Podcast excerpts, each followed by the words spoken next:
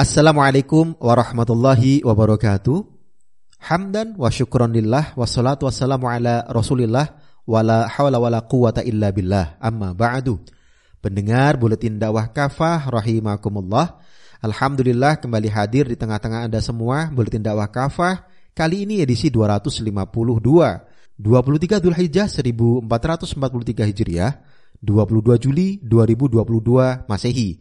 Kali ini akan mengangkat tema Penegakan hukum harus adil dan amanah. Bismillahirrahmanirrahim.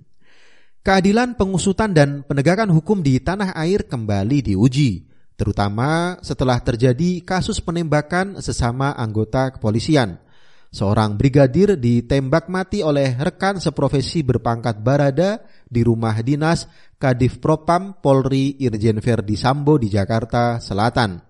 Banyak pihak melihat kejanggalan kasus tersebut. Selain CCTV yang kabarnya rusak atau mati, kasus tersebut baru diumumkan setelah lewat dua hari. Jenazah korban juga dikirim diam-diam ke rumah keluarga. Pihak pengacara keluarga kemudian menyatakan bahwa pada jasad korban selain terdapat luka tembak juga terlihat tanda-tanda bekas siksaan. Selain itu, keterangan pihak kepolisian juga berbeda dan berubah-ubah. Kapolri memang berjanji akan mengusut tuntas kasus penembakan ini. Namun banyak pihak bertanya-tanya, bisakah penegakan hukum pada kasus ini berjalan secara terbuka dan adil? Pendengar rahimakumullah, mahal dan susah. Slogan pengadilan banyak tetapi keadilan langka bukanlah pernyataan kosong. Banyak pihak merasa sulit mempercayai penegakan hukum di tanah air. Pada tahun 2020, Survei Indonesia Political Opinion memperlihatkan ketidakpuasan publik terhadap penegakan hukum mencapai 64 persen, tertinggi di antara kebijakan-kebijakan yang lain. World Justice Project mengungkapkan indeks negara hukum Indonesia 2021 turun dari tahun sebelumnya. Ahli Rule of Law Index World Justice Project Erwin Natosmal Umar mengatakan, peringkat indeks negara hukum Indonesia di global juga merosot. Saat ini peringkat indeks negara hukum Indonesia 68 dari 139 negara atau peringkat 9 dari 15 negara di wilayah Asia Timur dan Pasifik. Kepolisian Republik Indonesia menurut hasil survei indikator politik Indonesia memang mendapatkan tingkat kepercayaan tinggi hingga mencapai 80,2 persen. Namun itu seperti bertolak belakang dengan laporan Komisi Nasional Hak Asasi Manusia atau Komnas HAM yang menyebut Polri adalah institusi yang paling sering diadukan sepanjang Januari hingga September 2021. Hal ini seperti tidak berubah. Pasalnya, pada tahun 2020 Komnas HAM melaporkan institusi kepolisian juga menjadi lembaga yang paling banyak diadukan, yakni mencapai 758 kasus. Komisi Nasional untuk Orang Hilang dan Korban Tindak Kekerasan atau Kontras juga mencatat setidaknya terdapat dugaan 81 penyiksaan dan tindakan tidak manusiawi dilakukan aparat yang terjadi sepanjang Juli 2020 hingga Mei 2021. Dalam setahun terakhir, setidaknya terdapat 36 kasus penyiksaan yang dilakukan anggota Polri, 7 penyiksaan oleh TNI, dan 3 kasus oleh sipir penjara. Karena itu, banyak orang skeptis bisa mendapatkan keadilan di negeri ini. Pakar hukum Profesor Dr. Sujito SHMSC menyebutkan hukum yang berjalan saat ini lebih banyak memihak penguasa, pengusaha, dan politisi serta semakin memarjinalkan rakyat. Karena itu, penegakan hukum di tanah air jauh panggang dari api. Apalagi kini hukum sering tajam kepada kalangan yang berseberangan dengan penguasa, tetapi tumpul pada orang-orang yang berada di lingkaran kekuasaan.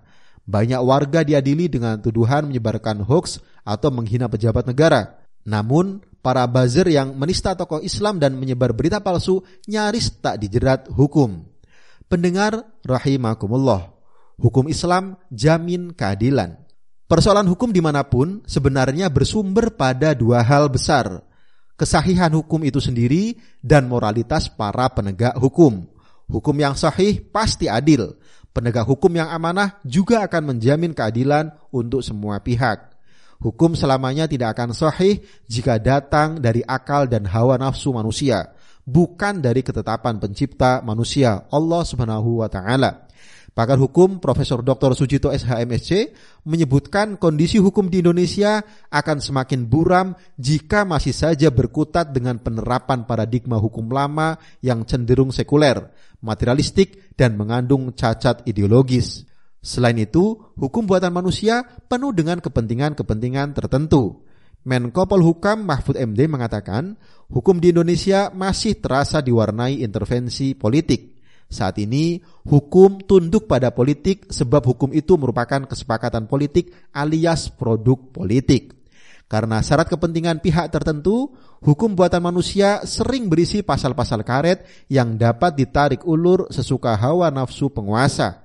Padahal Allah SWT telah mengingatkan bahwa kehancuran akan datang jika kebenaran mengikuti hawa nafsu.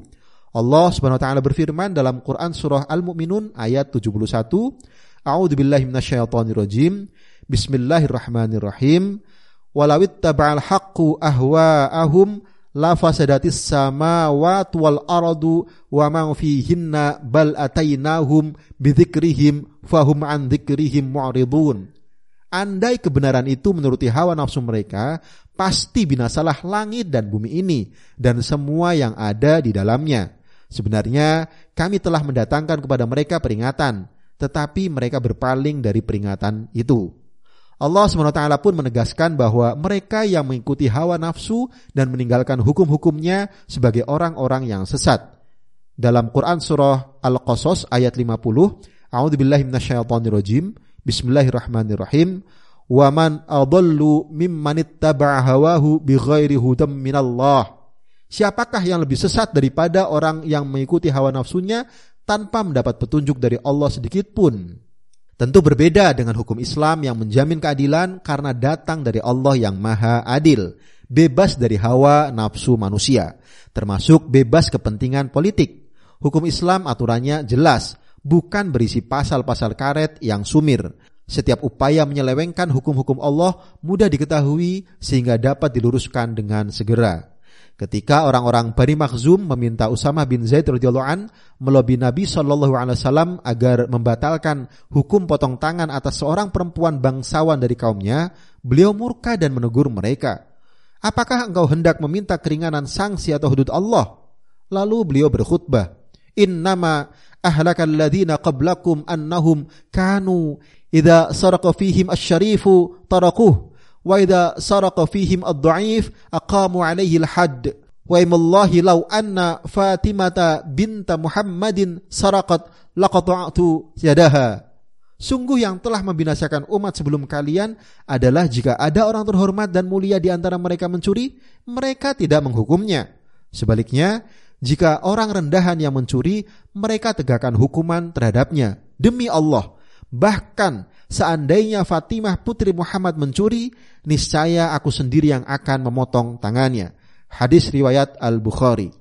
Karena itu, tidak ada hukum yang bisa menciptakan keadilan kecuali hukum-hukum Islam. Allah SWT berfirman dalam Quran surah Al-Maidah ayat 50, A'udzu billahi minasyaitonir Bismillahirrahmanirrahim. Afa hukmal jahiliyati yabghun wa man ahsanu minallahi hukman liqaumi yuqinun. Apakah hukum jahiliyah yang mereka kehendaki. Hukum siapakah yang lebih baik daripada hukum Allah bagi orang-orang yang yakin? Syekh Wahbah Az-Zuhaili menerangkan ayat ini bermakna bahwa tak ada seorang pun yang lebih adil daripada Allah SWT. Juga tak ada satu hukum pun yang lebih baik daripada hukumnya. Az-Zuhaili dalam kitab At-Tafsir Al-Munir jilid 6 halaman 224. Pendengar rahimakumullah. Sikap amanah wajib Keadilan hukum juga menjadi sulit karena pudarnya sikap amanah penegak hukum. Komisi Yudisial mengungkap mulai tahun 2005 hingga Agustus 2018 terdapat 19 orang hakim yang diciduk KPK. Ironinya, 10 di antaranya merupakan hakim ad hoc tipikor. Kepolisian juga tidak bebas dari masalah internal. Data Divisi Bidang Profesi dan Pengamanan Mabes Polri menyebutkan lembaga ini syarat dengan persoalan. Setidaknya ada 1694 kasus yang termasuk dalam pelanggaran disiplin, ditambah 803 kasus terkait kode etik dan 147 kasus pidana dari Januari sampai Oktober 2021. Padahal amanah adalah salah satu syarat utama penegakan keadilan. Aparat penegak hukum wajib menegakkan hukum tanpa pandang bulu, meski berhadapan dengan rekan satu korps, termasuk atasan. Allah SWT telah memerintahkan kaum muslim untuk menunaikan amanah dengan sebaik-baiknya. Dalam Quran surah An-Nisa ayat 58, A'udzubillahi. Bismillahirrahmanirrahim. Innallaha ya'murukum an tu'addul amanati ila ahliha wa idza hakamtum bainan nasi an tahkumu bil adl. Sungguh Allah menyuruh kalian menyampaikan amanah kepada yang berhak menerimanya. Jika kalian memutuskan hukum di antara manusia, putuskanlah hukum dengan adil. Hanya saja mengharapkan sikap amanah bermunculan di tengah masyarakat sekuler ibarat menggantang asap. Pasalnya, amanah ini hanya muncul jika keimanan menjadi landasan kehidupan. Sikap amanah jadi langka di tengah masyarakat sekuler. Amanah erat dengan keimanan adanya hari penghisaban dan pembalasan di akhirat kelak. Imam Malik bin Anas dalam kitab Al-Muwatta meriwayatkan bahwa suatu ketika Nabi Shallallahu Alaihi Wasallam mengutus Abdullah bin Rawahah radhiyallahu an untuk memungut hasil panen buah-buahan kaum Yahudi Khaybar. Rupanya mereka telah bersekongkol untuk menyuap Abdullah bin Rawahah supaya meringankan pungutan tersebut. Untuk itu, mereka telah mengumpulkan perhiasan kaum perempuan mereka sebagai sogokan. Melihat sikap kaum Yahudi tersebut, Abdullah bin Rawahah marah lalu berkata, Wahai Yahudi, demi Allah, kalian adalah makhluk Allah yang paling kubenci. Bukanlah hal itu yang mendorongku untuk berbuat zalim pada kalian. Sungguh, suap yang kalian berikan adalah haram. Kami tidak akan memakannya. Kaum Yahudi terkejut lalu memuji beliau. Dengan inilah tegak langit-langit dan bumi. Wahai kaum muslim, pahamilah bahwa hukum sulit untuk ditegakkan dengan adil dan amanah selama aturan Islam tidak ditegakkan. Hukum yang datang dari rahim sekularisme telah cacat sejak lahir, penuh dengan kepentingan para pembuatnya. Di sisi lain, sikap amanah dan adil hanya tumbuh subur dan berkembang dalam kehidupan Islam, bukan dalam peradaban sekularisme dan kapitalisme seperti saat ini. Alhasil, keadilan dan penegakan hukum yang amanah hanya terwujud dalam kehidupan Islam. Di dalamnya, akidah Islam menjadi landasan masyarakat dan syariah Islam menjadi hukum-hukum yang diterapkan bagi masyarakat. Wallahu alam biswab. Demikian materi Buletin Dakwah Kafah edisi 252. Penegakan hukum harus adil dan amanah. Terima kasih. Wassalamualaikum warahmatullahi wabarakatuh.